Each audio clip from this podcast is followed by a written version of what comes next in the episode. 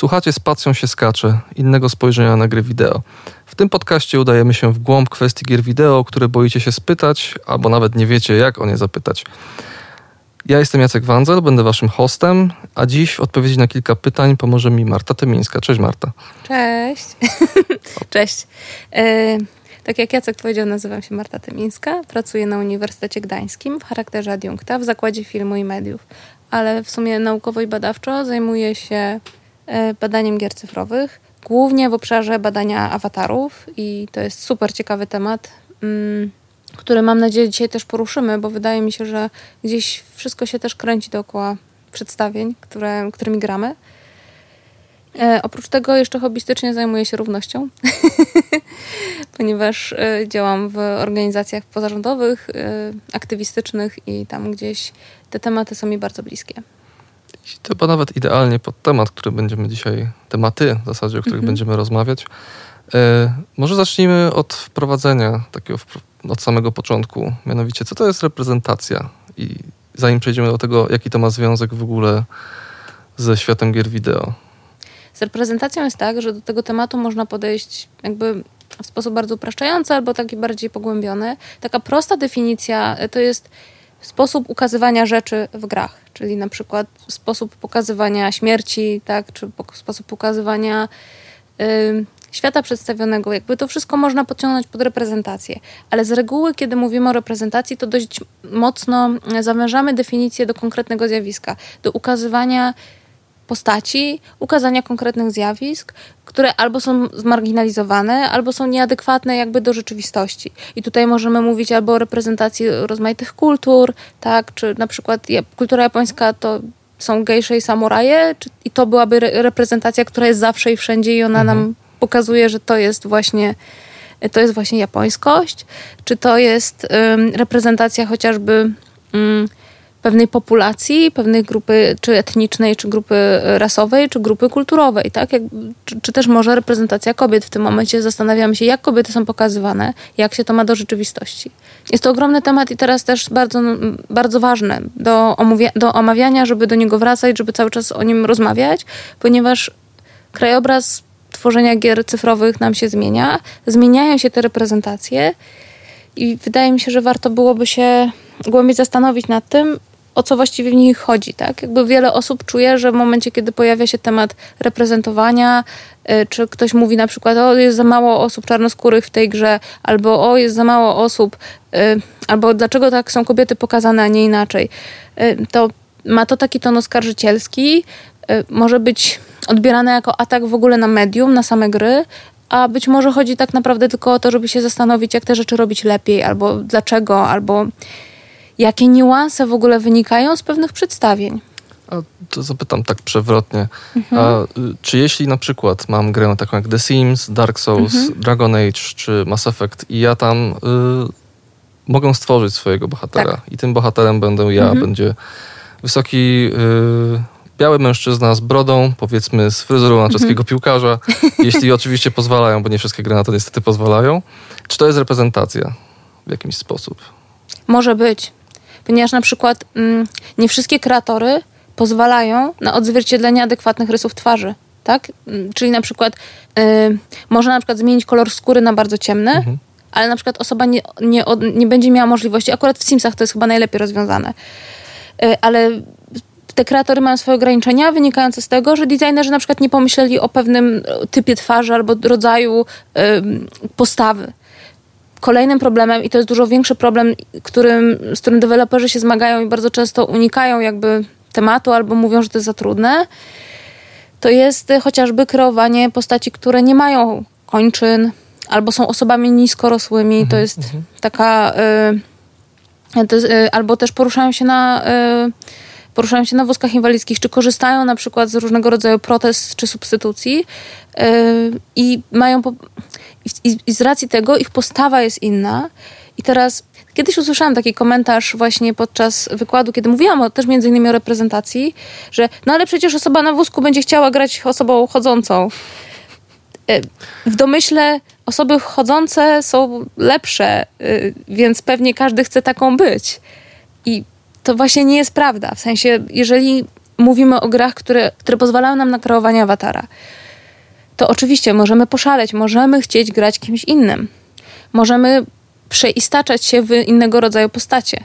Natomiast jeżeli ktoś chciałby na przykład dokonać określonego wyboru, na przykład też grać postacią z otyłością, y, to dlaczego nie może, tak? Jakby, oczywiście tutaj można wymienić szereg jakby argumentów wynikających z ograniczeń technicznych, ograniczeń budżetu i tak dalej, i tak dalej, bo one są realne, tak? To nie mhm. jest... To, to nie jest tak, że, że, że one y, są zawsze nieracjonalne, te argumenty przeciwko wprowadzaniu takich, takich, takich mechanik, bo to czasami trzeba pomyśleć o nowej funkcjonalności na przykład. Ale E, istnienie kreatora nie zakłada całkowitej dostępności nie, i, i całkowitej reprezentacji. Od rysów twarzy, e, czy też e, kształtu postawy, po właśnie takie elementy jak masa ciała, czy też, czy też możliwość ukazania siebie na wózku. Jeszcze tak z tego swojego awatarowego podwórka mogę powiedzieć, że. Mm, hmm, w pewnym momencie w badaniach nad awatarami była taka debata, czy to jest raczej tak, że wszyscy próbujemy się idealizować i e, identyfikujemy się z tą wyidealizowaną e, postacią, czy na przykład wszyscy próbujemy jakby maksymalnie realnie e, swoją postać kreować i teraz to zależy od kilku czynników. No właśnie, okazało się, że to zależy. Mhm. I to zależy od kilku czynników. Z jednej strony zależy to od tego, czy Mm, czy ludzie, jak, jak, często ludzie grają w daną grę i jaką mają motywację do, do grania. Czasami nie jest nam potrzebne w ogóle to, żeby postać była w jakiś sposób reprezentowana. A czasami jest tak, że jest nam to mega, mega potrzebne, bo ponieważ na przykład kreujemy postać do zbiorku opowiadań osadzonego w tym świecie. E, czyli też to jest jakiś tam konkretny mhm. cel, który jest Y, oderwany od naszego ja, a czasami to jest faktycznie projektowanie swojej osoby na lekko lepszą wersję siebie. To jest ogólna tendencja, że zawsze jeżeli tworzymy postać, ona jest w jakiś sposób lepsza od nas, ale to nie jest, mm, to niekoniecznie musi być taka mm, lepszość wizualna, że tak powiem. Czyli to nie zawsze musi być tylko na poziomie wyglądu. To może być na przykład y, ukształtowanie tych statystyk tak, że ta postać jest, powiedzmy, ma lepsze umiejętności społeczne albo ma lepsze. Mm, rzuty na charyzmę albo coś w tym stylu. Więc ogólna tendencja jest taka, że postać będzie zawsze ciut lepsza od nas w jakimś wymiarze cech, ale to nie ma reguły, że ona musi być taka sama jak my, ale też nie ma reguły, że musi być kompletnie inna, ani zupełnie wyidealizowana. Więc to wydaje mi się. Yy, też takim ważnym wątkiem, że jakby my mamy też jakieś teorie potoczne, czyli taki sposób myślenia o tym, jak inni ludzie myślą o świecie i większości ludzi się wydaje, że myślą dość podobnie do innych. Tak? To jest też coś, co w psychologii się nazywa mm, błędem fałszywej większości, czyli nam się wydaje zawsze, że jesteśmy w światopoglądowej większości nad innymi, nawet jeżeli wiemy, że jesteśmy w mniejszości. I no właśnie, to jest to, co w jakiś tam sposób y, znajduje odzwierciedlenie w tym, jak myślimy o grach. Natomiast badania nad awatarami dość wyraźnie zakreśliły, że, że, że tych, tych, sposobów grania i, i, potrzeb związanych z grami jest naprawdę dużo. To zostanę jeszcze przy temacie awataryzacji, mhm. y ponieważ tak, tak jak wspomniałaś, y tworząc pewnego bohatera w bardzo mhm. wielu grach, co prawda nie dostajemy być może najszerszej gamy możliwości i często tak. są, znajdują się jakieś słabe punkty, martwe mhm. punkty y w tych możliwościach reprezentowania, ale co z sytuacjami typowego roleplayowania, czyli odgrywania ról e, w tej sytuacji. Mówię na przykład o e, sprawach takich jak mhm. to, że ja na przykład skłamałem. Nie, nie robię żadnych e, wysokich chłopców z brodami i czy fryzurami na czeskiego piłkarza. Ja w większości gier, w których mam taką możliwość, tworzę postaci kobiece. Mhm. Z wielu różnych powodów. Tym powodem może być na przykład to, że często aktorki, które podkładają głos, mhm. grają lepiej lub ciekawiej Często historie są w ciekawszych kontekstach, mhm. no ale wchodzimy w tym momencie w y, sytuację, w której ja jestem w stanie w takim wirtualnym świecie odgrywać kogoś, kto jest kompletnie spoza mojego, powiedzmy, y, obszaru rasowego, mhm. etnicznego, kulturalnego. Na przykład teraz w nadchodzącej grze CD Projekt Red y, Cyberpunk 2077 będzie można grać na przykład postacią transgenderową. Mhm. I chciałem, zastanawiam się po prostu, czy robimy coś złego, odgrywając te wirtualne y, fantazje o byciu kimś innym? Szczególnie w dobie tych y, dyskusji, mm. na przykład o sytuacjach, w których y, na przykład w świecie filmu dochodzi do kontrowersji, w których y, aktorzy y, heteroseksualni odgrywają postacie homoseksualne, postacie y, mężczyźni grają na przykład y, osoby transpłciowe i tak dalej, i tak dalej. I też zbierają za to laury, nie? Właśnie. Mhm. Podbierają pewien element, y, czy nawet sytuacja, w której y, aktorzy nawet w grach wideo wcielają się y, w postacie o nieco innym, y, o kompletnie innym na przykład profilu rasowym. Tak jak na przykład doszło mhm. do sytuacji w czwartej części serii Uncharted, w której mhm. aktorka biała Laura Bailey wcielała się w czarnoskórą y, najemniczkę z, z RPA, mhm. co jakby też wynikało oczywiście z pewnych y, z, z, pewnych sytuacji niezależnych do końca od twórców, ponieważ mhm. u nich mhm. tam akurat w tamtym wypadku chyba chodziło o to, że oni wykoncypowali postać kompletnie inną i dopiero w toku produkcji zmienili i nie chcieli z wielu różnych powodów zmieniać aktorki. Mhm. Natomiast to jest pewien martwy punkt, w którym się, się, się, którego nie byli w stanie, o który nie byli w stanie zadbać. Co w taką sytuacją? Jak z, tymi, jak z tym odgrywaniem się w, w zabawie, że tak powiem? Mm, to jeszcze dodam do tego wątku, że zresztą teraz teraz właśnie jak to nagrywamy, to w sumie mm, toczy się taka debata też w świecie animacji, e, ponieważ e, w wyniku Black Lives Matter e, jako ruchu dużo mm, białych aktorów głosowych podkładających osobom kolorowym głosy E, wycofało się na przykład ze swoich ról albo przeprosiło za to, że grało te postacie. Tak jakby na przykład aktorka grająca Diane Wen z y, Bojacka na przykład tak no, powiedziała. Czy na przykład y, Simpsonowie mhm. i, i, historia Apu, za którego Hank tak. Azaria również przeprosił. Tak. To jest tak, że z jednej strony granie kogoś innego y, jeszcze zatrzymam się na chwilę przy filmach, ale zaraz, zaraz już wracamy do gier. Oczywiście. Bo ta debata filmowo-growo-animacyjna, kiedy mamy tych aktorów, którzy nie grają swoich ról, z jednej strony może być postrzegana jako wyzwanie aktorskie. Z drugiej strony, jakby uważam, że nie byłoby absolutnie żadnego problemu na tym świecie, żeby ludzie, którzy nie są danej tożsamości czy danej, nie są z danej grupy, ale grają takie osoby z jakichś tam przyczyn, właśnie chociażby dla wyzwania aktorskiego, gdyby w ogóle ścieżki kariery innych aktorów nie były zablokowane w ten sposób. Jakby tutaj nie chodzi do końca o to, kto kogo gra, bo to też często też nie dziwię się aktorom na przykład, że sięgają po trudne role. Z drugiej strony, co jest trudniejsze? Czy ten aktor mm, wcielający się w rolę i koszący za to Oscary? I to, czy to jest to trudne życie? Czy, czy to, że inny aktor, którego tożsamość jest jawna albo reprezentuje inną grupę etniczną, albo ma jakiś inny background, po prostu nigdy nie dostaniesz szansy na taką rolę. Tutaj raczej bym upatrywała ten problem właśnie w systemie, który, który mamy i on się, on się zmienia i on się zmienia na razie dość drastycznie, stąd budzi też opór i budzi takie poczucie y, dużego dyskomfortu, że pewien status quo się zmienia. Natomiast jakby problemem nie są sami aktorzy, którzy grają trudne role, tylko problemem jest to, że ta nierówność jest bardzo wyraźna. I to samo bym powiedziała w, w stosunku do gier. W sensie nie mam problemu i uważam, że nie powinno być problemu z tym, że wcielamy się w różne role. Szczególnie, że gry do tego nam służą. Natomiast y, są takie kategorie grania. Mm, były na przykład przeprowadzone badania wśród graczy w GTA. W GTA online, to, mm, gdzie okazało się, że na przykład większość y, graczy wybierających czarnoskóre awatary to były białe osoby o poglądach rasistowskich, które odgrywały wszystkie możliwe stereotypy. I teraz znowu to można czytać dwojako. Z jednej strony no jest to paskudna praktyka. To nie jest przyjemne, to szczególnie na przykład dla czarnoskórych graczy, którzy chcieliby na przykład grać i czuć się dobrze w tym środowisku też.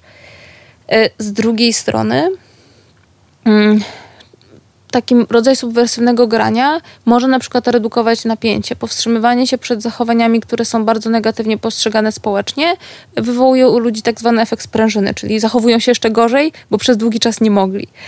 Więc z jednej strony możemy to trochę traktować jako taki bufor bezpieczeństwa. Pytanie tylko w jakim stopniu, jak w ogóle to weryfikować. No nie będziemy weryfikować koloru skóry gracza, zanim się zaloguje do gry, bo brzmi to bardzo dystopijnie. Możemy potępiać te działania, bo one są po prostu niegrzeczne, tak? Jakby to są niegrzeczne, są problematyczne. Natomiast dopóki właśnie nie ma tego typu odgrywania stereotypów, czy zachowywania się w taki sposób, który jest bardzo um, reaktywny wobec jakichś określonych grup, to wydaje mi się, że to nie powinno być aż takim problemem. To jakby gramy innymi osobami. Z drugiej strony mamy też takie zjawisko whitewashingu. Większość e, indyjskich graczy, czy mm, graczy z Azji, czy z, właśnie z Afryki, jeżeli gra wybiera postacie białe, awatarów, które nie przypominają ich etnicznie, nawet w takich fantazy światach jak World of Warcraft, jest duża tendencja mm, tych grup etnicznych do wybierania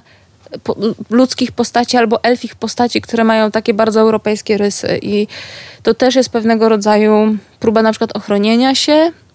E, tutaj e, badań było trochę też zrobionych na temat właśnie populacji, która gra e, versus to, jak ich awatary wyglądają. I tak naprawdę mm, pozwolenie sobie na stworzenie awatara, który wygląda tak jak my, jest pewnego rodzaju luksusem ponieważ tak naprawdę większość osób w jakiś sposób ukrywa. Mm, e, nie tyle może swoją tożsamość, to nie, nie chce jakby być właśnie tak jak powiedziałam, e, robimy awatary, które są ciut lepsze od nas, czyli co, to mówi o osobie, która na przykład y, ma ciemniejszy kolor skóry, czy ma inną, mm, pochodzi jakby z globalnego południa, która wybiera y, elfiego rycerza, który ma bardzo europejskie rysy. To znaczy, że to, to, jest coś lepszego, tak? Jakby w jakiś tam sposób postrzegane jest jako lepsze. Mm. Nie chciałabym być w sytuacji psychologicznej takiej osoby. Tak by to, że nie mam takiej sytuacji mm, sama, to jest mój ogromny przywilej. Zresztą sam powiedziałeś, że możesz sobie pozwolić na granie postacią kobiecą. Jak robiłam wywiady z kobietami, e, które grały, większość z nich część z nich wybierała i część z nich, jeżeli próbowała nowej gry online, zawsze wybierała najpierw mężczyznę jako postać do prowadzenia. Tak na wszelki wypadek. Dopiero potem na przykład wybierała sobie postać, która jest w jakiś tam sposób podobna do niej. Też też, e, ja sama też tak robię, na przykład, że pierwszy, pierwszą postać, jaką tworzę, raczej jest postać męska, to chyba tylko Final Fantasy XIV od razu zrobiłam jakąś taką e, e, elfełkę sobie, ale to też jakby mój przywilej, że sobie mogłam, gdzieś tam czułam się dobrze w tej grze i mogłam sobie na to pozwolić. Jakby nie ma nic złego w odgrywaniu ról, nie, nie, nie potępiałabym tego w żaden sposób. Natomiast no, też pytanie, co my z tą rolą robimy, co nam też zostaje po takim zachowaniu na przykład w grze. Dobrze, no wracając do tematu jeszcze na moment tylko i zaraz od niego wychodząc, y, mhm. kreatorów postaci i związanych z nią y, modeli reprezentacji. Y, ponieważ mieliśmy na przykład sytuacje, w których reprezentacja w jakiejś grze na przykład zostaje, no brzydko mówiąc, kompletnie zawalona mhm. no, w jakimś poziomie. Na przykład w poprzedniej części Animal Crossing, nie tej nowej, nie New Horizons, tylko w tej jeszcze na konsoli Nintendo 3DS, tak, New Leaf, tam na przykład występowała taka sytuacja, gdzie postacią czarnoskórą grać się po prostu nie dało. Mhm. Nie przewidziano w ogóle takiej możliwości. I doszło wręcz do kuriozalnej sytuacji, ponieważ taka możliwość pośrednio była w postaci tego, że y, można było ubrać specjalną maskę, w której postać gracza przybierała formę takiego awatarka bezpośrednio gracza w systemie mhm. Nintendo. Y, to się nazywa Mi. No więc dochodziło w zasadzie do sytuacji, w której mieliśmy tak naprawdę y, białą postać w świecie gry, która y, przebierała się, malowała się praktycznie y, za osobę czarnoskórą, co jakby no no, konotacje są straszliwe tego. Tak. Natomiast y, chciałem się zastanowić, co jest w takim wypadku y, może nie gorsze, co y, mniej fortunne. Sytuacja, w której twórcy gry na przykład pomyśleli o pewnej reprezentacji mniejszości jakichś, czy mhm.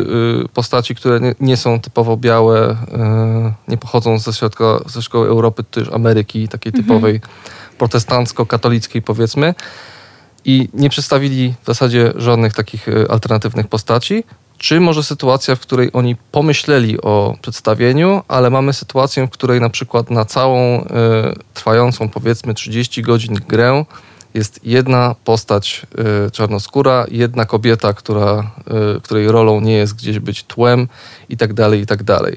Które jakby z tych podejść jest y, le, może nie lepsze, ale... Mam takie poczucie, że mam wybierać między dżumą a cholerą, więc... No, tak, to, chciałem się zastanowić nad tym, mhm. y, który kierunek jakby daje potencjalnie y, to znaczy Może też... nie lepszą, y, lepszą mhm. nadzieję jakąś, bo żaden z nich nie jest specjalnie y, obfity w nią, ale który z nich y, uraża mniej, o, w ten sposób na przykład? Trudno powiedzieć, bo jakby te strategie producenckie i strategie jakby tworzenia gier, one, na, na nie wpływa wiele czynników. To jest zawsze jakby jakaś tam praca zespołowa, ktoś czegoś nie pomyśli, ktoś czegoś nie dopowie. I znowu wracamy jakby trochę jak wcześniej mówiliśmy o tych aktorach, znowu to jest chyba raczej błąd systemu, bo wydaje mi się, że nadal jedna postać reprezentująca cokolwiek jest lepsza niż ich brak, bo w tym momencie po prostu wymazujemy pewną rzeczywistość i wyma a wymazywanie rzeczywistości nigdy nie jest dobre. Z drugiej ze strony, no tokenizm też jest fatalną praktyką. Tokenizm to jest właśnie ten moment, kiedy mamy to, nie wiem na ile znasz komedie romantyczne, ale właśnie tam ten, na przykład jest ten taki tokenowy kolega, kolega gay. gay głównej bohaterki, bo przecież wszyscy geje są strasznie za, zaobserwowani heteroseksualnymi kobietami i, i ich problemami sercowymi. No nie. Natomiast jakby a, a, tak naprawdę to chodziło o to, żeby pokazać niezagrażającą postać męską, tak? Znaczy niezagrażającą, powiedzmy, miłości protagonistki, tak? E, rzeczywistość jest bardziej złożona. Mm. Natomiast wydaje mi się, że y, tokenizm jest dużo trudniejszy, kiedy ma się różnorodny zespół. I kiedy ten zespół po prostu widzi pewne rzeczy, ponieważ właśnie jest zróżnicowany. Ktoś mówi, słuchaj, ej, ale tutaj jest tam siedmiu, y, siedmiu kolesi y, w, nie wiem, w tym kosmosie i on jakby to tak nie wygląda. Patrz, tutaj w naszym studiu jest taka, jest taka, taka proporcja i może, może pomyślmy o tym, jak to zmienić. Y, te rzeczy są zauważalne bardziej, kiedy zespoły są różnorodne. Co więcej, w ogóle zespoły różnorodne dużo lepiej pracują. Mm, I to naukowo, i to też właśnie w przemyśle kreatywnym. To jest y, szalenie istotne, żeby mieć różne perspektywy. I zresztą brak różnorodności i taki brak perspektyw, jak świat może wyglądać inaczej, widać też w ogóle w, wśród różnego rodzaju programowania, tak jak na przykład identyfikacja twarzy, identyfikacja, mm, zautomatyzowana identyfikacja obiektów na zdjęciach jest warunkowana przez sztuczną inteligencję, ale tą sztuczną inteligencję trzeba na przykład, poza tym, że trzeba ją napisać, to trzeba ją nakarmić jakimiś danymi. No i były, były przypadki na przykład, że system do rozpoznawania twarzy nie rozpoznawał osób czarnoskórych, a e, sztuczna inteligencja do segregowania zdjęć w iPhone'ie e, osoby czarnoskóre wrzucała do folderu ze zwierzętami, tak? Bo, bo, bo ten ciemny kolor jakby gdzieś tam umykał tej sztucznej inteligencji, co wynikało po prostu z ba wstępnej bazy zdjęć, która została jakby, którą ta sztuczna inteligencja została nakarmiona. Dlaczego była taka, inna baza zdjęć? Bo to była baza zdjęć programistów, którzy tam pracowali i oni byli wszyscy y, y, 30 plus y, biali faceci po prostu z Krzemowej Doliny, więc jakby tutaj znowu problemem wydaje mi się różnorodność, z drugiej strony mamy mm, świetne zespoły, na przykład RPA jest takim, mm, chciałam powiedzieć zagłębiem. RPA jest takim miejscem, gdzie, gdzie, gdzie, jest dość dużo startupów growych i y, dość interesujących y, y, tytułów stamtąd wychodzi, dość grywalnych. W RPA powstaje dużo gier, na przykład na rynek amerykański i one są stworzone i skrojone tak, że wyglądają jak gry amerykańskie. Czyli znowu mamy zespół, który najprawdopodobniej jest mieszany, ale nie znajduje to odzwierciedlenia, ponieważ jest pewna projekcja na temat tego, kto by tę grę kupował, kto by w nią grał i, i tutaj mamy też, też ciekawy problem jakby z pokazywaniem, z pokazywaniem e, postaci. Więc chciałabym, żeby było tak, że właśnie ta różnorodność nie dość, że jest jakby wynika naturalnie i organicznie z zespołu, który tworzy grę, ale też bym chciała, żeby też tak naturalnie, organicznie była przyjmowana przez graczy. A to jest też kolejna dodatkowa trudna rzecz, że niekoniecznie e, te zmiany są przez jakieś, jakąś konkretną grupę, niekoniecznie największą, ale na pewno najgłośniejszą, e, nie są specjalnie dobrze przyjmowane. To jeszcze tak e, w temacie mhm. tego, co jest lepsze lub gorsze, mhm. bardziej lub mniej fortunne. W, w jaki sposób możemy przeciwdziałać, jakby, e, czy naprawiać może pewne błędy związane z reprezentacją? Czy na przykład sytuacja, w e, której znalazły się na przykład twórcy serii Dragon Age, mhm. w której w odpowiedzi niejako na niedobór e, relacji mhm. homoseksualnych w pierwszej części gry, w drugiej postawili na sytuację, w której każda w zasadzie postać ma y, seksualność y, sytuacyjną, w której jest zależna tak naprawdę od, y, od y, tego, jakiej płci, jakich y, zainteresowanie jest postać gracza. Mhm. I czy to jest lepsze wyjście w takim razie z tej sytuacji, w której jakby kosztem mhm. y, pewnej jakbyśmy powiedzmy autentyczności decydujemy się na taki ruch, który jest po prostu całkiem już inkluzywny, nie patrząc choćby na to, czy w poprzedniej części jakaś postać z, z, przedstawiała jakieś skłonności y, biseksualne, czy nie, czy w drugą stronę, czy zainteresowanie jakąś tą postacią, czy nie. Czy też zmierza to trochę w kierunku takiego, powiedzmy, tęczowego y, brandingu, gdzie y, przychodzi czerwiec, mamy Pride Month i nagle wszyscy mają, wszystkie brandy mają tęczową mają tęczową flagę i mamy się cieszyć jakby, że, jest, że zauważają te, e, te mniejszości seksualne, ale tylko w tym miesiącu. Czy to nie popada może w taką pewną, w pewien cynizm może, e, gdzie ta reprezentacja nie wychodzi z jakiejś szczerej być może potrzeby, tylko z takiego poczucia, że ach, to jest coś, co musimy robić, żeby, żeby te mniejszości nam się w końcu yy, nie krzyczały na nas. Hmm, to jest trudne, bo z jednej strony w ogóle chciałam przekierować to pytanie, bo jeżeli mówimy o Dragon Age'u i to w tym konkretnym studiu jest tragiczna sytuacja, jeśli chodzi o pracę i styl pracy. I gdzieś też pojawiają się takie głosy, że w ogóle przestaniemy rozmawiać o reprezentacji, dopóki ludzie w tych studiach nie będą mieli po prostu normalnych warunków pracy i, kultu- i dopóki się nie skończy kultura crunchu, bo pewne decyzje znowu tam, gdzie możemy założyć po prostu ludzką głupotę, nie zakładajmy złej woli. I jakby wydaje mi się, że to może być jeden z tych przypadków. Ja bym nie zakładała tutaj złej woli, raczej bardzo bezmyślne patrzenie na równość i bardzo bezmyślne patrzenie na to, w jaki sposób w ogóle kreujemy reprezentację, takie, żeby szybko, szybko móc y, zadowolić jakąś grupę. I faktycznie ja zetknęłam się z takimi głosami queerowych osób, które stwierdziły, że to jest super, że jakby to też jest trochę zgodne powiedzmy z niektórymi teoriami seksualności, o, że znaczy, też to nie jest jakby do końca ustalone, w jaki sposób nam się te wszystkie preferencje i potrzeby kształtują. One też są dość zmienne w, ciągu, w czasie z różnych względów. I mm, Część osób była zadowolona z tego, nie, nie czytała tego jako cyniczne. Mhm. Natomiast y, część faktycznie jakby głosów krytycznych pojawiła się właśnie w ramach tego, że, że, że, to, że to jest cynizm, że to jest takie po prostu trochę na odczepnego kreowanie, kreowanie postaci, że tutaj się to, to rozjeżdża. I niestety te sprawy są zawsze złożone i można, to, to samo było w przypadku The Last of Us 2, gdzie jakby z jednej strony był zarzut o to, że właśnie znaczy pojawił się ten zarzut, że mamy dwie bohaterki i mamy relację lesbijską, i, a z drugiej strony w wyniku tego potraktowano bohatera poprzedniej części, nie będę spoilerować, ale potraktowano go tak, jakby w ogóle nie funkcjonował jako postać e, pełnoprawna, w sensie gdzieś tam yy, nagle przez jest taki termin out of character, czyli poza, poza własnym jakby napisaną postacią i on się tak zaczął w pewnym momencie tam zachowywać, więc pytanie, co, jakby co było kosztem czego, czy po prostu ktoś coś źle napisał i nieudolnie to zostało jakby, mm, nie, nieudolnie zostało to wykierowane,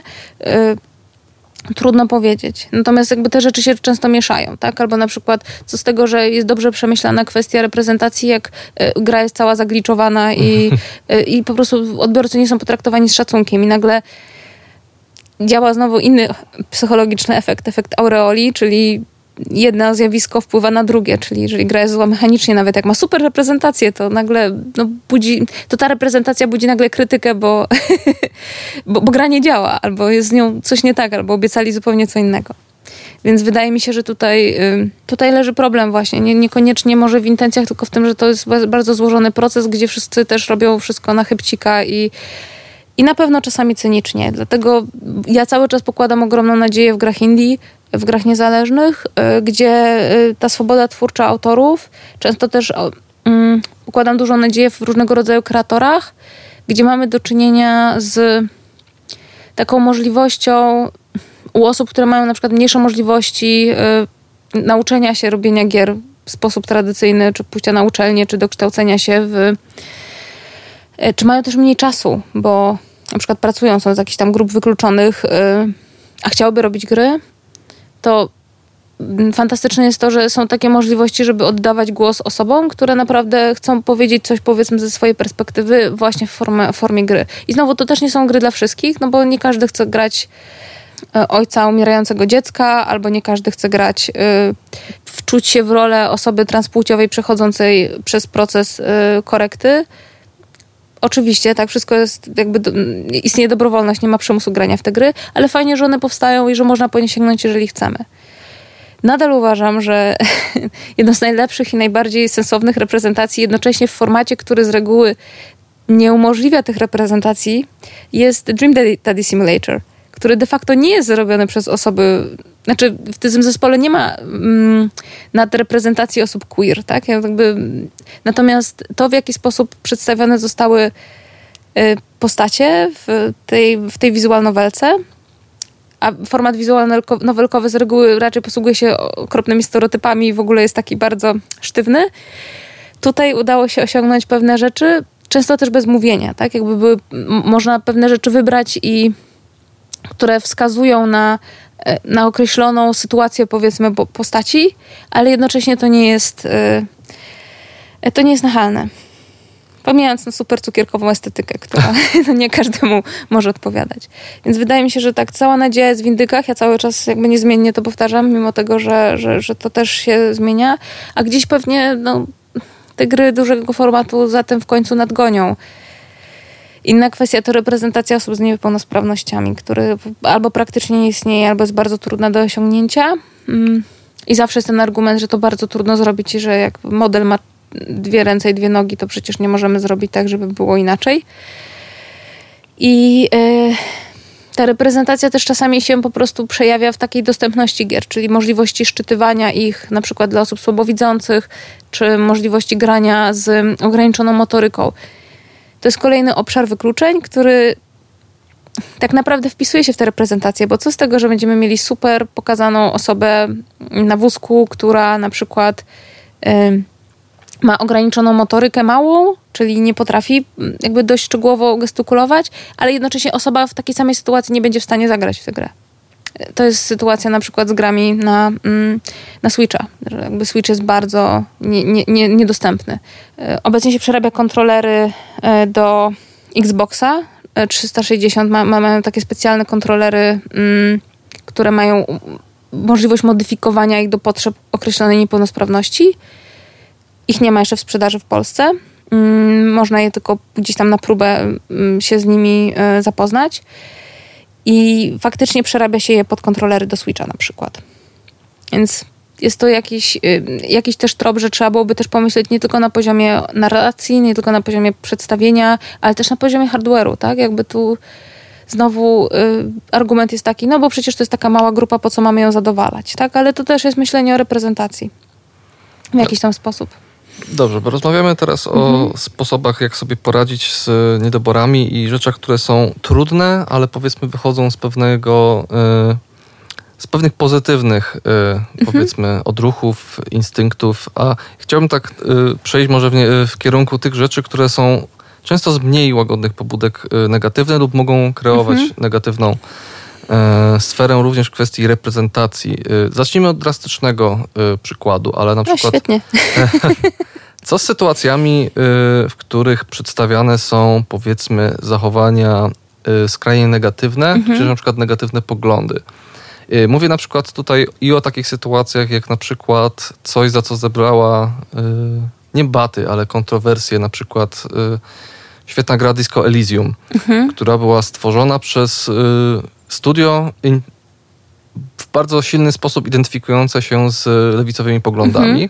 Natomiast w tej grze można było grać y, między innymi rasistę, y, mhm. obrzydliwego seksistę, y, libertariana w takim mhm. bardzo skrajnym w skrajnej interpretacji Tea Party na przykład amerykańskiej, mhm. czy w komunistę zarówno takiego po prostu o skłonnościach lewicowo-socjalistycznych, po prostu już w taki bojowniczy bolszewizm. I to jakby spotkało mhm. się z taką krytyką części E, środowisk czy mediów, że oto tak naprawdę odgrywamy coś potencjalnie obrzydliwego i, i czy to jest jakiś, i czy to jest, czy to jest coś, co gra robi, żeby dać nam pewną możliwość wcielenia się, odegrania w czegoś, mhm. czy ona też popada przez sam fakt, że pozwala na to w pewne pochwalenie tego, co się dzieje.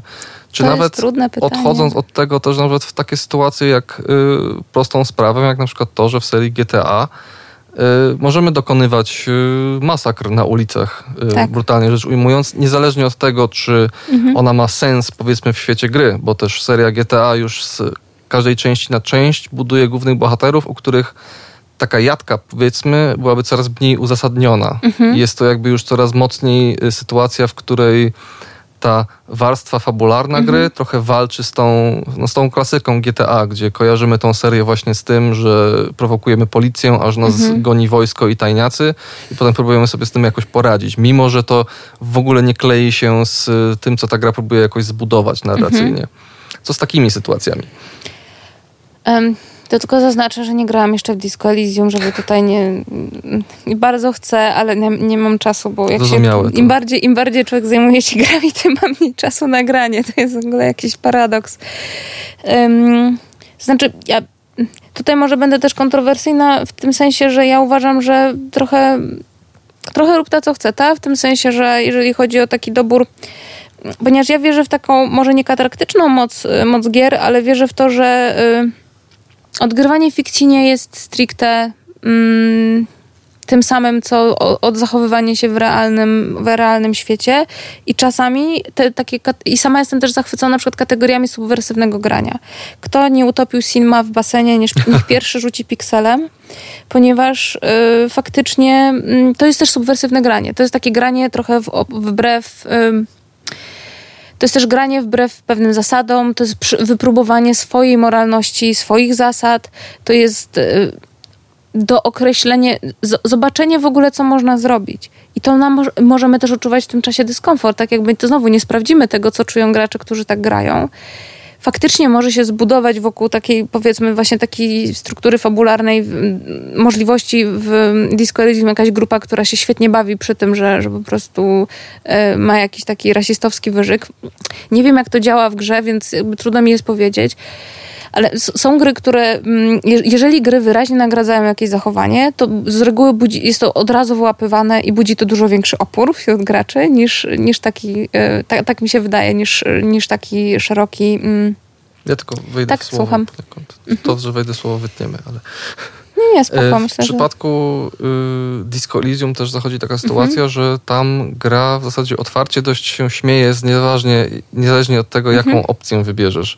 Jeśli jest jakaś krytyczna wobec czegoś, to sytuacji, w których postać gracza nie opowiada się za niczym.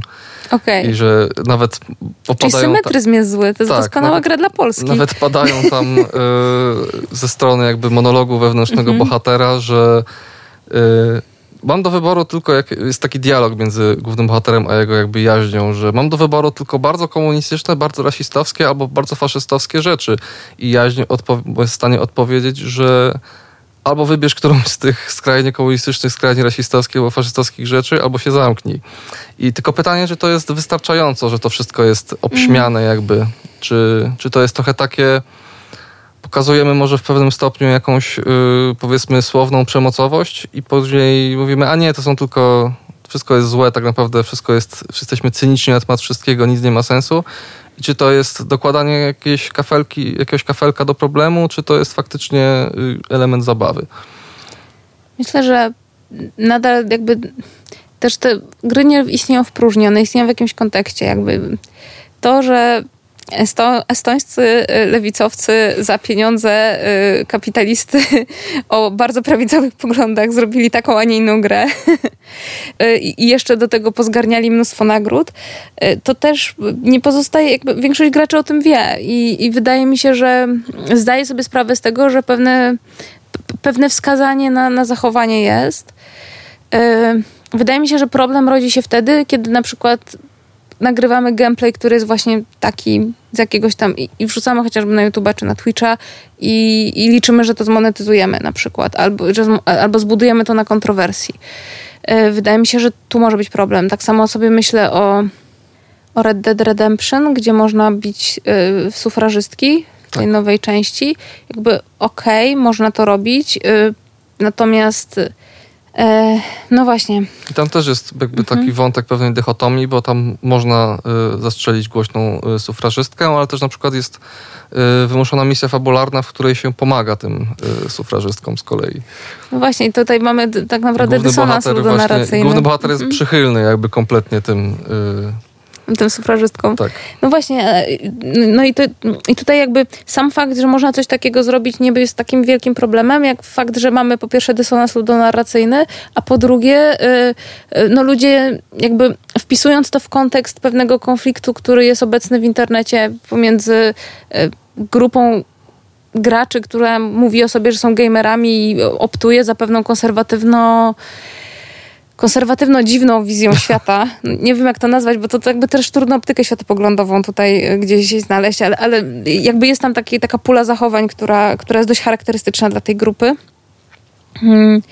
Natomiast przenoszą ten konflikt jakby i czy projektują ten konflikt właśnie na te sceny, potem je sobie tam gdzieś e, zrzucają właśnie na YouTube'a i, i powoduje to jakiś rodzaj um, uciechy, bo nie mogą tego zrobić w inny sposób, tak? Jakby to tutaj dla mnie to jest problematyczne i wydaje mi się, i, i to mnie na przykład przeraziło, że, że, że można takie rzeczy robić.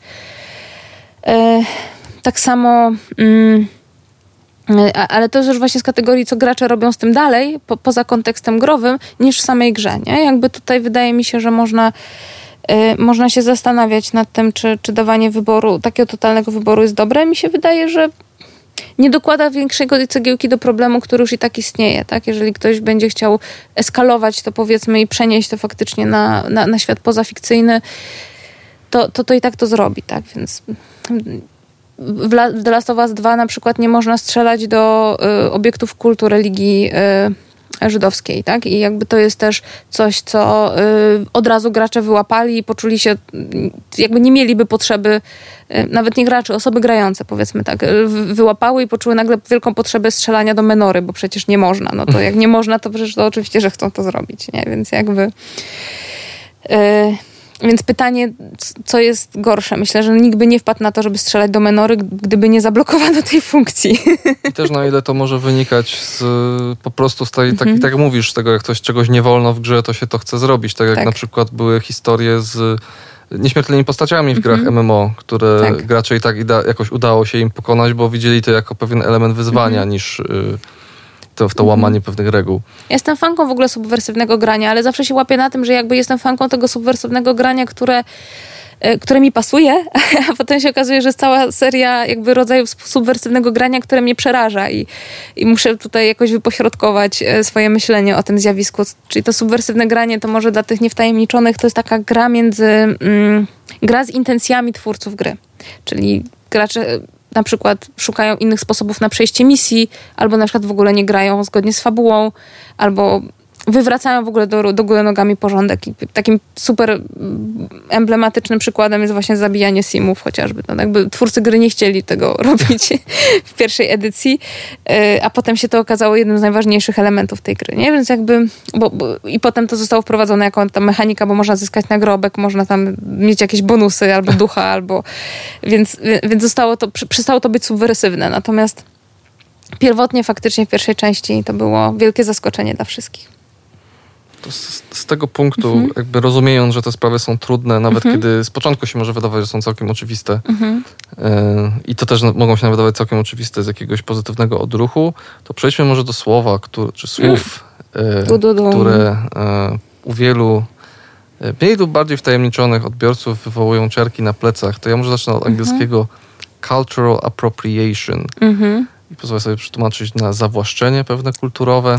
Miałyśmy o tym debatę z koleżankami mm, akademiczkami, jak to przetłumaczyć. I doszłyśmy do wniosku, że zawłaszczenie będzie najlepszym terminem, ale też nie jestem tego taka pewna. Można apropriacja faktycznie użyć też. E, no ja będę mówić zawłaszczenie, bo gdzieś tam się przyzwyczaiłam do tego, e, do tego tłumaczenia. Zawłaszczenie kulturowe to jest taki rodzaj e, brania rzeczy z określonej kultury, i wykorzystywania go albo w celach rozrywkowych, albo w celach mm, przyjemności, albo osiągnięcia jakiegoś takiego własnego, um, własnej satysfakcji, jednocześnie w dużej mierze ze szkodą dla kultury, z której się to zabrało. I to jest jedna, to jest węższa definicja. Też może podam taką szerszą, że w ogóle każda wymiana kulturowa ma cechy zawłaszczenia, tak? Czyli na przykład pomyślmy sobie o sarmackim ubiorze i on jest całkowicie zawłaszczony po prostu ze wszystkich możliwych kultur, które próbowały gdzieś tam tą XVI-XVII e, wieczną Polskę najechać. Tak jakby to e, żupan, kontusz, te wszystkie elementy, one są bardzo zawłaszczeniowe. Oczywiście nie było wtedy tego terminu, raczej staropolscy sarmaci nie rozmawiali o zawłaszczeniu kulturowym, chociaż kto wie.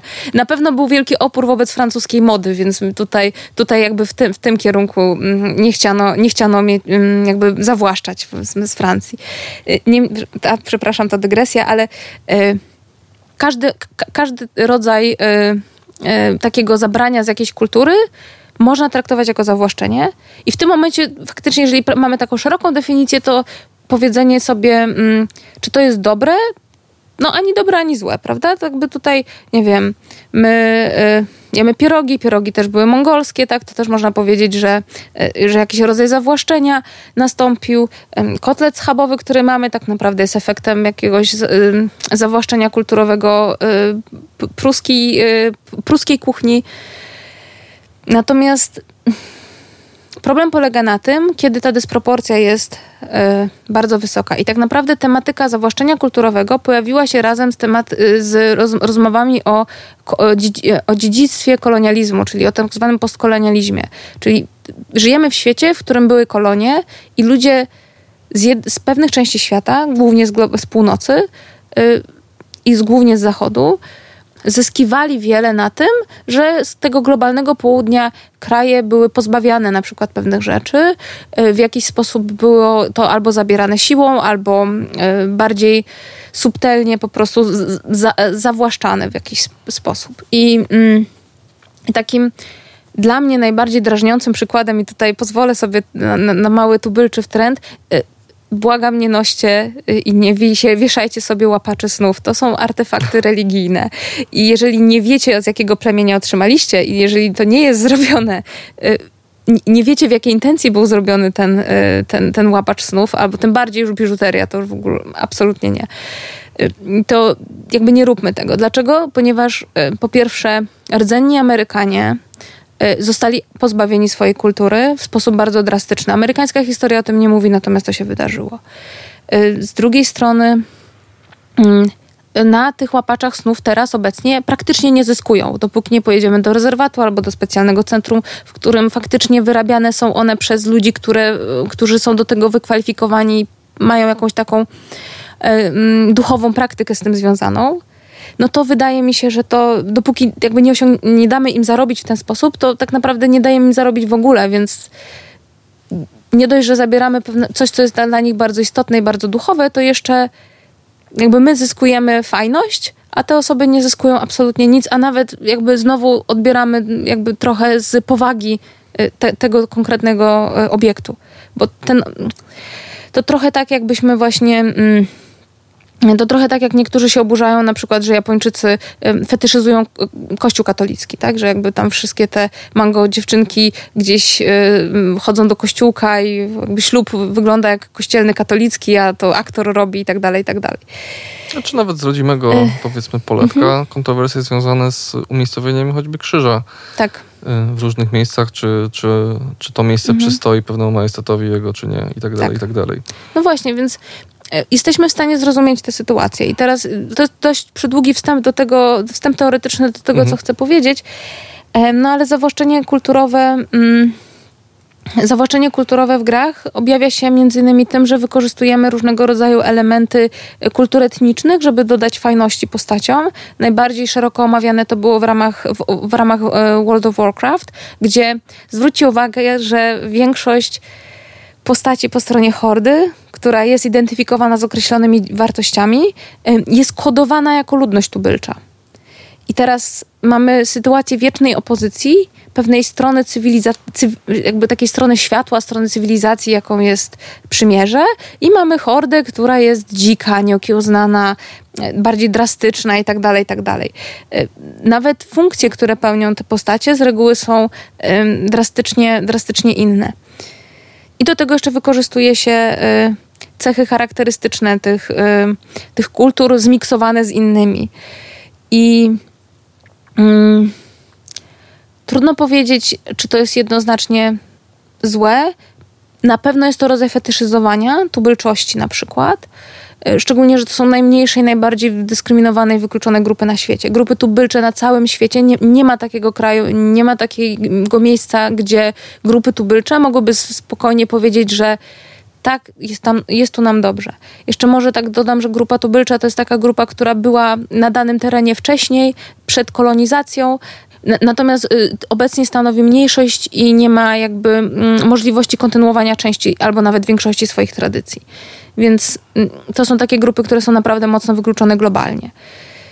E, no ale też tak naprawdę są najbardziej kulaśne, prawda? Bo jakby wszędzie gdzieś, yy, gdzieś ci mądrzy Indianie, też tokenowi zresztą pojawiają się, mm, czy, yy, czy mistyczni, mistyczni jacyś Hindusi, czy jakieś dżiny, tego typu czarnoskórzy mentorzy również czasem. Tak, tak. O, albo właśnie napakowani też czarnoskórzy faceci, tak? Jakby, też jakby niewidoczność czarnoskórych kobiet jest tutaj też bardzo, bardzo widoczna jest ta niewidoczność czarnoskórych kobiet. To chyba tylko w Dishonored, w, w DLC-ku y, jest faktycznie pełnowymiarowa, zresztą y, pełnowymiarowa czarnoskóra postać kobieca, która jeszcze do tego ma protezę, więc już w ogóle ja byłam zachwycona tą reprezentacją. Może niekoniecznie tym DLC-kiem, ale reprezentacją jak najbardziej. E, tak samo zresztą, i to też zależy od tego, jaka kultura zawłaszcza, prawda? Bo są takie, mm, takie firmy game developerskie, które się whitewashują, czyli jakby robią wszystko, żeby to wyglądało jak, e, jak produkcja na rynek zachodni dla rynku zachodniego i z rynku zachodniego. A są takie mm, studia, które w jakiś tam sposób fetysz, fetyszyzują na przykład Azję bardzo często, tak? Chiny czy Japonia przede wszystkim to jest taka mocno, mm, mocno fetyszyzowana sprawa. Przy czym z fetyszyzacją, relacja między zawłaszczeniem, czyli zabieraniem kultury bez zysku dla niej i jednocześnie jakby, żeby, na, żeby ubogacić naszą narrację grową, samo w sobie jest bardzo, mm, bardzo niefajną praktyką. Z drugiej zaś strony to, to się łączy też z reprezentacją, bo z drugiej strony fajnie by było pokazać jakąś rzetelną reprezentację i chyba e, dla mnie takim najfajniejszym momentem, gdzie ta kultura faktycznie, tubylcza szczególnie jest dobrze pokazana w grze mainstreamowej, to jest e, The Shadow of Tomb Raider, gdzie mamy tryb imersji kulturowej, mhm. gdzie bohaterowie mówią, mm, znaczy NPC mówią w pewnym momencie, w pewnym segmencie gry y, językami tubylczymi, a konkretnie językiem quechua. To jest mhm. najbardziej powszechnie mówiony język w Ameryce Południowej, język tubylczy. I no, co prawda tam wszystkie dzieci mają ten sam głos na przykład. Y, to widać ewidentnie, że to był jeden aktor, y, jeden aktor głosowy, a może aktorka. Natomiast miało to służyć pewnej, pe, pewnemu wprowadzeniu mm, rzetelnej reprezentacji. Mhm. Faktycznie tam ta tubylczość jest możliwie jak najmniej fetyszyzowana, po prostu to są ludzie, którzy żyją tak, a nie inaczej i to jest, ich, e, to jest ich sposób życia. Tam nawet ofiary z ludzi nie są jakoś tak specjalnie demonizowane, tylko w jakiś tam sposób e, ograne w fabule. E, pokazana jest po prostu różnorodność tych, tych, tych reprezentacji. Natomiast takich stricte, kiedy nie byłoby zawłaszczenia, kiedy, zawłaszczenie, kiedy faktycznie mm, osoby z danych grup tubylczych reprezentowałyby jakoś, były reprezentowane też właśnie w obszarze game developerskim, czyli byliby konsultantami, czy, um, czy nawet deweloperami, programistami, cokolwiek. Tak? Jakby gdyby te osoby były włączone w ten proces, wtedy trudno mówić o zawłaszczeniu. Natomiast jeżeli mamy studio, które sobie mówi, o słuchaj, zrób ten pióropusz, bo to będzie tak fajnie wyglądało, no, no nie róbmy takich rzeczy, po prostu. Ciekawostką w tym, mhm. bo takim innym przykładem może przedstawienia y, obcej kultury, mhm. Y, które zostało w ciekawy sposób przyjęte, jest y, niedawna gra Sony, Ghost of Tsushima, mhm. gdzie co ciekawe na zachodzie gra zebrała takie przyjemne recenzje, ale mhm. jakby jest to kolejna gra z otwartym światem, jaką znamy. Natomiast w Japonii samej, bo to jest gra dziejąca się właśnie na, na wyspie Tsushima w okresie inwazji mongolskiej. Tam zebrała z kolei y, bardzo pozytywne noty, przede wszystkim dlatego, że jest to gra stworzona przez zachodnie studio, które mimo wszystko, że odchodziło od pewnych faktycznych przedstawień historycznych, mhm. mimo wszystko skonsultowało wszystko tak jak trzeba z odpowiednimi japońskimi historykami. I japońscy krytycy zauważyli, że to jest chyba pierwszy raz, kiedy y, w historii gier wideo ktoś coś bierze z ich kultury i oni mhm. absolutnie nie mają problemu z żadnym aspektem mhm. E, tego przedstawienia. Włącznie nawet z, fakta, z takimi sytuacjami jak to, że na przykład tam występuje haiku, mimo że jest to około chyba 200 czy 300 lat za wcześnie trochę na to. Tak, tak. Ale tak. przedstawienie mhm. wszystkiego jest w, w taki sposób, że już wykracza to poza ten rejon apropriacji mhm. na zasadzie o, haiku się kojarzy z samurajami i z Japonią, więc je weźmiemy, a bardziej jakąś zabawą.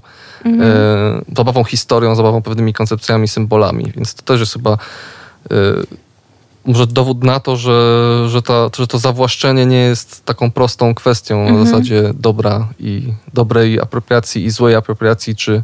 Tak. Zresztą teraz też będzie bardzo, część badaczy gier w ogóle też odkrywa ten temat zawłaszczenia kulturowego w kontekście postkolonializmu i zaczyna to w jakiś sposób um, włączać do tego ogólnego dyskursu, czyli takiego myślenia, y, takiej dłużej rozmowy pomiędzy wszystkimi zainteresowanymi, którzy um, chcieliby się czegoś dowiedzieć na temat pochodzenia gier. I też o, o, o zawłaszczeniu można mówić dużo na przykład w kontekście gier y, tubylczych albo gier, y, gier planszowych, y, czy zabaw, y, czy praktyk które potem zostały przeniesione jako gry dla dzieci rozrywkowe, na przykład w Wielkiej Brytanii, tu mówię o znanym nam Chińczyku, albo który po pierwsze nigdy nie, do, nie, nie, nie, dotknął chińskiej ziemi, że tak powiem. Jakby Chińczycy nie znają Chińczyka. Azja Południowo-Wschodnia tak, e, Chiny nie. E, natomiast ona została zaadoptowana przez Brytyjczyków jako Ludo, gra planszowa dla dzieci, a była tak naprawdę grą dworską, bardzo popularną w Azji Południowo-Wschodniej. Czy też mm, E, nie wiem, czy znacie wężej, czy, czy znasz wężej drabiny. Tak, mm. Snakes and Ladders. Tak, to jest tak naprawdę gra, y, która uczyła zasad funkcjonowania w, hindu, y, w wierze hinduistycznej. To była gra edukacyjna o charakterze duchowym.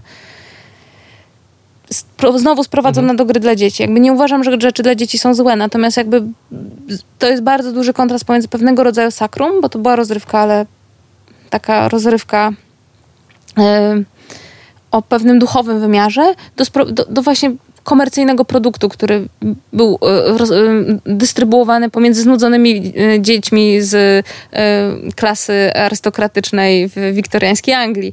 No jakby to jest drastyczna różnica tutaj to w tym pewna momencie. zawłaszczeniowa odpustowość, powiedzmy. O tak, tak, tak, to jest dobrze powiedziane. No, podobnie też zabawy sznurkiem, w sensie kocia kołyska. Tak? Kocia kołyska służyła do tego, żeby opowiadać bardzo ważne historie. Jakby kocia kołyska w większości kultur albo była narzędziem flirtu, w Japonii tak było, albo była narzędziem do snucia opowieści, e, czy też snucia mitów. I w tym momencie ta kocia kołyska e, miała też charakter pewnego, pewnej sakralności. E, tak jest na przykład wśród Inuitów, tak jest wśród aborygenów w Australii. Natomiast no, została sprowadzana do zabawy dla dzieci, która oczywiście ma uczyć motoryki, uczyć logicznego myślenia, rozwijać motorykę małą, ale no, ale została sprowadzona właśnie znowu do zabawy, z czegoś, co było naprawdę czymś dużo większym i dużo bardziej doniosłym, niż nam się może tak teraz współcześnie wydawać.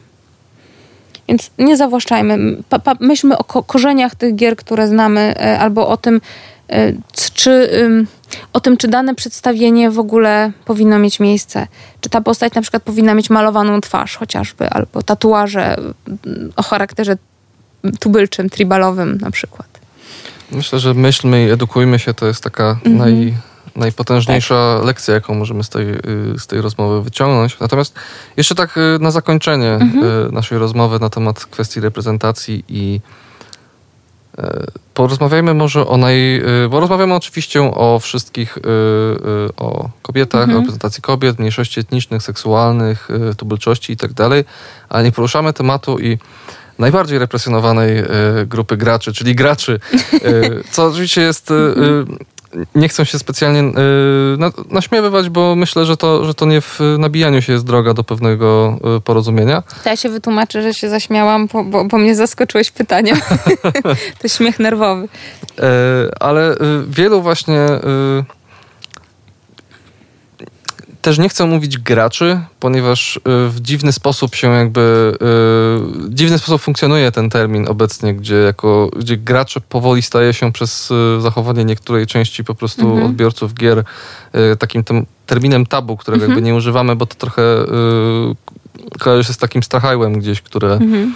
strachem na wróble, które gdzieś nas czasem straszy, ale wielu z nich widzi jakby w tej dyskusji na temat zawłaszczenia kulturowego, na temat reprezentacji, pewne zagrożenie. Jest takie przeświadczenie wśród wielu odbiorców gier, że oni po prostu chcą mieć y, zabawę przy tych swoich grach mhm. i boją się, że poruszając te kwestie i jakoś patrząc nieco mhm. bardziej wrażliwym, przychylnym okiem, wkraczamy trochę w terytorium y, tej po prostu zabawy i że w pewnym mhm. momencie y, ich, zdaniem wielu graczy dojdziemy do momentu, w którym y, robiąc coś w dobrej wierze, być może mhm. dojdziemy do y, powiedzmy y, ściany i na przykład y, nie będzie już można, to jest częsty argument, pokazać na przykład postaci kobiecej, która jest ubrana w y, jakiś kusy kostium i tak dalej. Czy też, nie będzie to, bajonety. Dokładnie. Czy na przykład y, właśnie w ten sposób, że, że, siło, że jest pojawia się ten taki argument, że odbieramy tą zabawę, tą grę z tych mhm. gier, przez to, że wprowadzamy ją w nieco poważniejsze tematy, jakby myślimy. I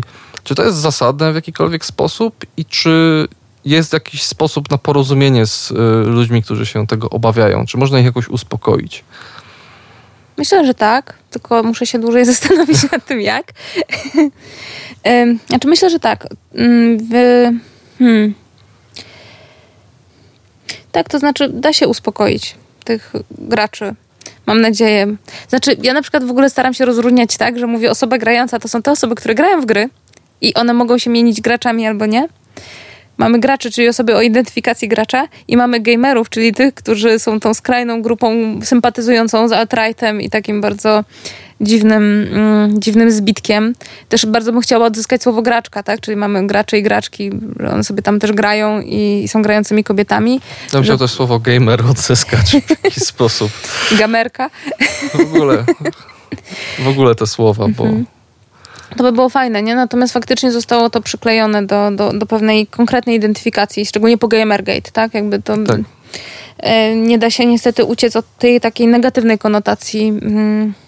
Natomiast z jednej strony, ja, ja, lubię myśleć w ogóle o równości, kiedy też prowadzę jakąś takie warsztaty z edukacji równościowej, kiedy spotykam się z ludźmi na żywo, co na razie chwilowo w tej sytuacji, kiedy to nagrywam, jest bardzo trudne do osiągnięcia.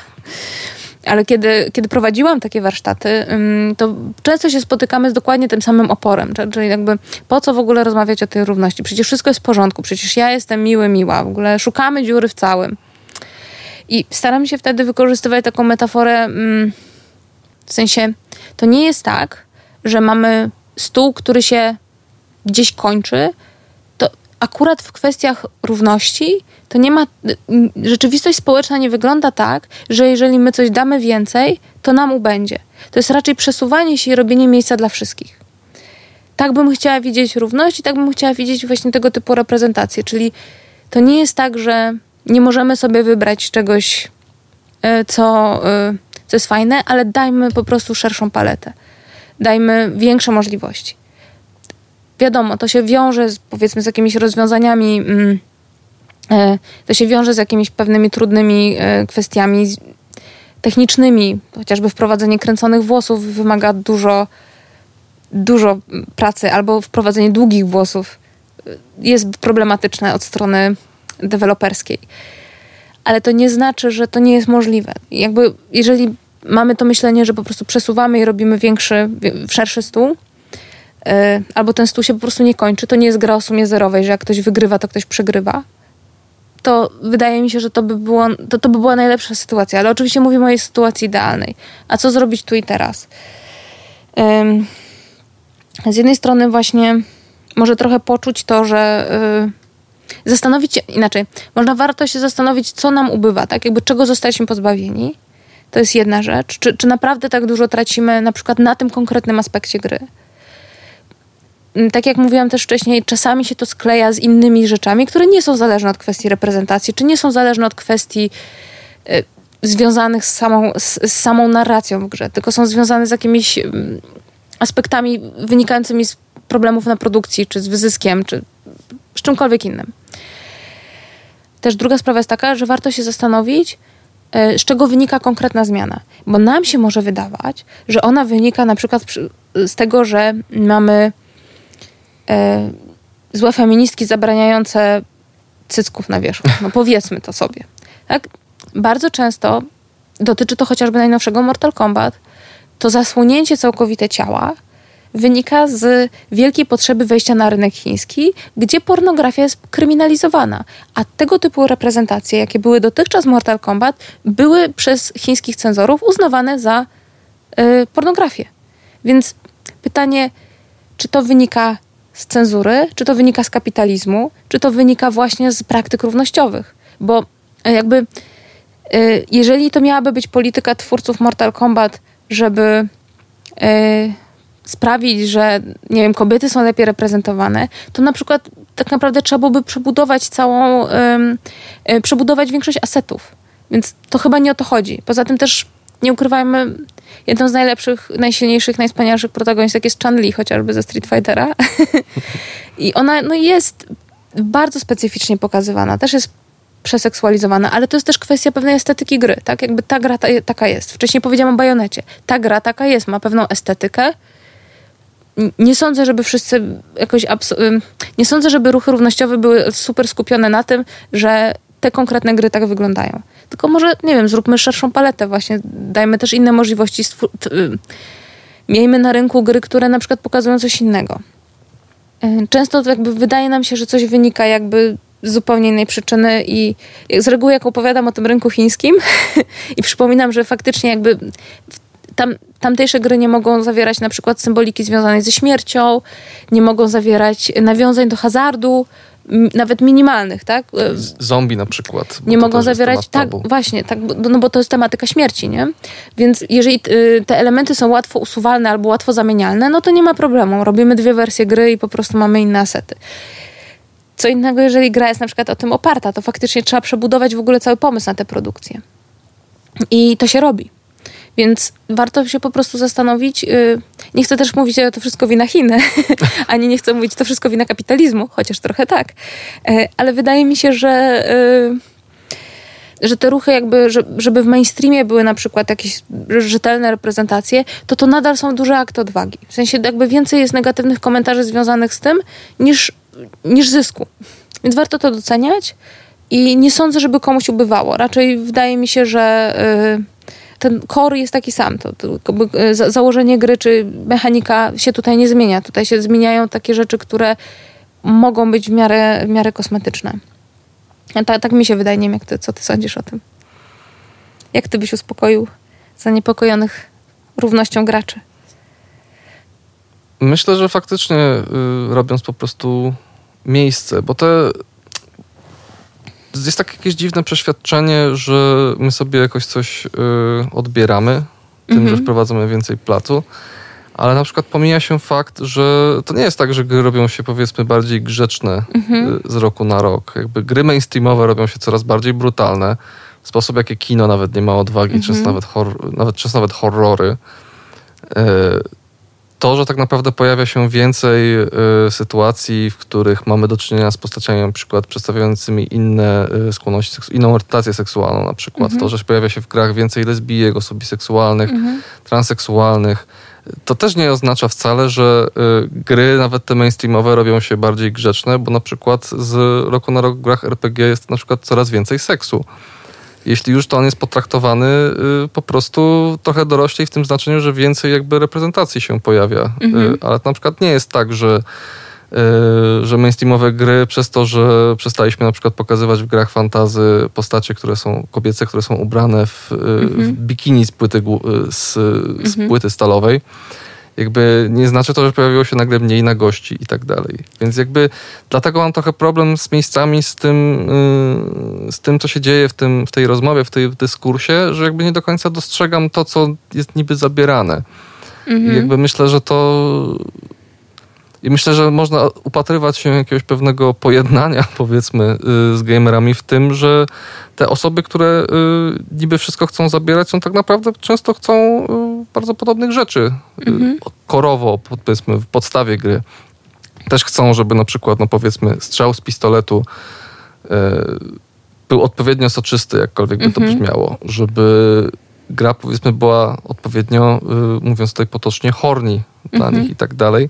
Tylko po prostu, żeby ta pole gry poniekąd się y, poszerzyło dla wszystkich. Mhm. Bo ciężko jest mi właśnie powiedzieć, żeby y, żeby to jakoś się bardzo zmieniło. Na przykład, no mieliśmy na przykład w ubiegłym roku nową część Devil May Cry, mhm. Która była tak samo y, głupia, tak samo y, absurdalna i tak samo przeseksualizowana w każdym kierunku, mhm. gdzie do y, kuso ubranych pań są y, hiperpiękni y, mężczyźni mhm. w, bez koszulek i tak dalej. W ogóle wszyscy, y, wszystkie postacie gry są modelowane na pięknych modelach z Instagrama.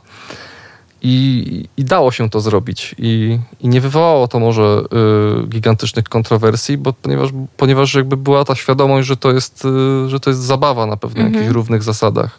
Tak samo bajoneta na przykład no jest kompletnie tak. przeseksu, przeseksualizowaną, absurdalną postacią, ale jest to w pewnym stopniu jakaś, y, jakaś zabawa. Mhm. I myślę, że to takie y, myślę, że jakby trzeba, chyba, chyba powinniśmy uświadamiać czasem y, wszystkich ludzi, że chodzi jednak mimo wszystko o tą zabawę jednak w tych, tych grach wideo. Różnie mhm. rozumianą, a to dalej chodzi o to, żebyśmy wszyscy dobrze bawili.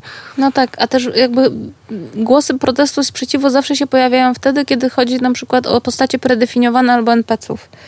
I tutaj ym, też zawsze ym, bo pojawia się ta cała dyskusja na temat tego na przykład, dlaczego nie było czarnoskórych NPC-ów w Wiedźminie, pomijając to, że argument, że bo Polska nie była taka, bo Polska nie była taka jest dość absurdalny, chociaż faktycznie twórcy gry zrobili duże fikoły, bo sama mm, jakby ta słowiańskość jest tam bardziej dopchana kolanem, szczególnie w pierwszym Wiedźminie i drugim z racji tego, że i ona faktycznie super, ona super wyróżnia jakby tę grę z innych gier fantazy, natomiast yy, no tego w pierwowzorze, na poziomie tekstualnym w pierwowzorze tego nie było, on był bardziej taki germańsko-celtycki. Tak. Ta cała narracja wiedźmińska jest taka.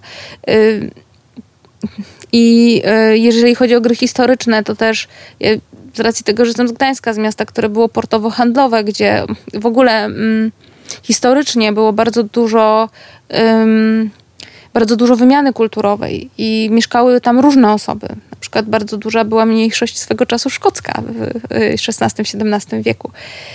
Y, I, I w ogóle było tak bardzo.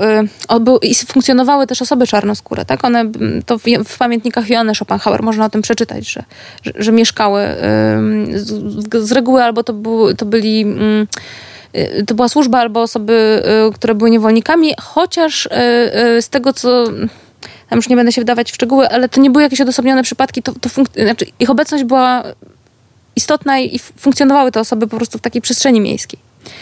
Więc yy, bardzo często mamy problem z tym, że jakby próbujemy performować na przykład y, historię y, w niektórych grach, szczególnie w fantazy albo w grach historycznych, te gry udają, powiedzmy, historię. Tak? Jakby jeżeli sobie poczytamy teksty Michała Sołtysiaka, który jest archeologiem zajmującym się, to jest bolesna praca, bo on zajmuje się um, adekwatnością asetów w grach historycznych do tego, no to jest jego praca z cierpieniem, y, do tego jakby jak wyglądało to realnie, no to na przykład wszyscy noszą królewskie zbroje w grach y, strategicznych, to, co zupełnie nieprawdą, jakby takie zbroje, jakie my widzimy w grach, to często były bardzo drogie, jednostkowe sytuacje, a nie cała armia ubrana tak samo.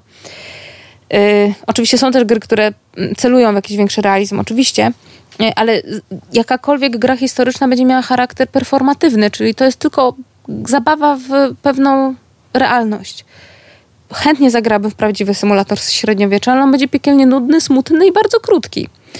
Yy, I to, I to ze względu właśnie na to, że, yy, że takie były realia życia też warto może rozmawiać o tym, że, że to wszystko jest performowane, że e, bardziej to, co jakby to jaka, jak gra wygląda teraz, wynika z tego, jaka jest rzeczywistość teraz, a nie taka, jaka była w jakiś tam sposób. Nawet wyobrażona, bo ona jest zawsze w jakiś sposób wyśniona, wymyślona, mm, y, obudowana w nasze jakieś marzenia, tak? Jakby świat tak naprawdę nie składa się na przykład z pięknych dam i księżniczek, tak? W, w grach raczej nie mamy do czynienia z przepracowanymi chłopkami, które umierają po trzydziestce. Znowu, tak sobie myślę, że warto notować tę rozmowę, żeby sobie potem pomysły na bardzo alternatywne, niszowe gry stworzyć. Ale faktycznie tak jest, nie? że jakby to zupełnie, mm, zupełnie nam gdzieś umyka. Y, warto jest pamiętać o tym, że to jest performowanie historii. To jest taka, albo mamy konwencję, mamy zabawę, mamy właśnie jakąś grę w udawanie. Naprawdę nikomu nie będzie przeszkadzać, nikomu nie ubędzie, jeżeli pewne realia będą nagięte. Tak jak było w Assassin's Creed Origin, że mamy dziewczynki uczące się w szkole i w momencie, kiedy robimy sobie tę ścieżkę edukacyjną, która nie jest grą, tylko jest takim spacerem wirtualnym po starożytnym Egipcie, mamy adnotację. Dziewczynki nie chodziły wtedy do szkoły, ale chcieliśmy wam pokazać, że warto chodzić do szkoły i żeby dziewczynki do tej szkoły chodziły. Intencja tutaj jest jasna. Przekłamanie historii było dla niektórych szokujące, ale z drugiej strony też jakby w starożytnym Egipcie wszyscy chodzili praktycznie nadzy i ubrania były formą pokazania statusu społecznego. Im bardziej dobrze usytuowana osoba, tym więcej miała ubrań, więc wydaje mi się tutaj, że znowu dlaczego ta przekłamanie jest niedobre, a tam to jest okej, okay, tak? Jakby z drugiej strony takiego nagiego asasyna też może chętnie bym zagrała. Natomiast natomiast jakby to, jest, to są też te realia, których my nie znamy. Ciężko byłoby tak? ekwipunek zorganizować. No nie, no właśnie, on będzie musiał chyba tam lewitować, nie? No. Mm. Więc tak, więc to jest chyba to, co jest tutaj naj, naj, e, to jest chyba tutaj najistotniejsze, że to, za, to tak jak powiedziałeś, to jest zabawa. Myślę, że na tym możemy y, zakończyć. Dziękuję Ci mhm. bardzo, Marto. Dziękuję. Y, daj plaga czegokolwiek robisz w tej chwili. Plaga? W sensie za, zareklamuj coś, co teraz robisz, czym się teraz zajmujesz, nad czym pracujesz. Chciałabym... Mm, Teraz najbardziej to bym chciała usiąść i pograć w gry, bo do obrony doktora to było ciężko. A dlaczego nie możesz? Co cię absorbuje yy, zawodowo? Praca akademicka. Ym, ostatnio napisałam tekst o akcji RPG dla lekarzy i chciałabym chyba o tym powiedzieć, że istniała taka akcja, że Hot 16 Challenge 2 to nic. znaczy, oczywiście zebrali więcej kasy niż RPG dla lekarzy, ale wydaje mi się, że jakby mm, może rozmach był mniejszy, ale serce było bardzo w tej, w tej akcji wielu ludzi grających w RPG.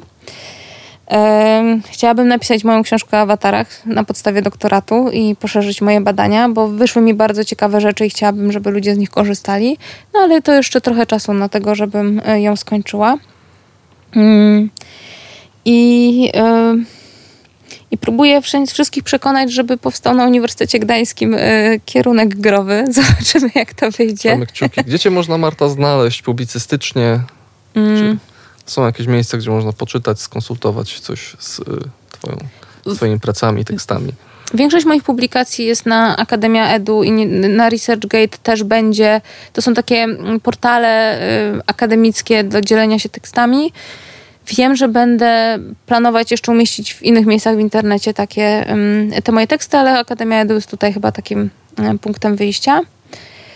Mm, tak, tak, tam jest większej rzeczy. E, natomiast y, oprócz tego jeszcze pracuję w Stowarzyszeniu Arteria, które robi mm, aplikację do zwiedzania Stoczni Gdańskiej. I do tego też zapraszam, może niekoniecznie jest to wirtualne, chociaż można, można trochę wirtualnie zwiedzać y, jak już będzie można bardziej podróżować, to, to też e, zapraszam do Gdańska, żeby po prostu śladami e, historii i śladami kobiet właśnie mm, po wielkim zakładzie przemysłowym e, gdzieś podążyć. I to jest też coś, co teraz ostatnio robię i czym żyję. Dziękuję Marto. Ja nas zostawiam z prostą myślą. Grajmy w gry, bawmy się nimi, bo to jest zabawa. Mhm ale nie zapominajmy o nich nigdy myśleć. Do następnego usłyszenia w odcinku z pacją się skacze innego spojrzenia na gry wideo. Dofinansowano ze środków Narodowego Centrum Kultury w ramach programu Kultura w sieci.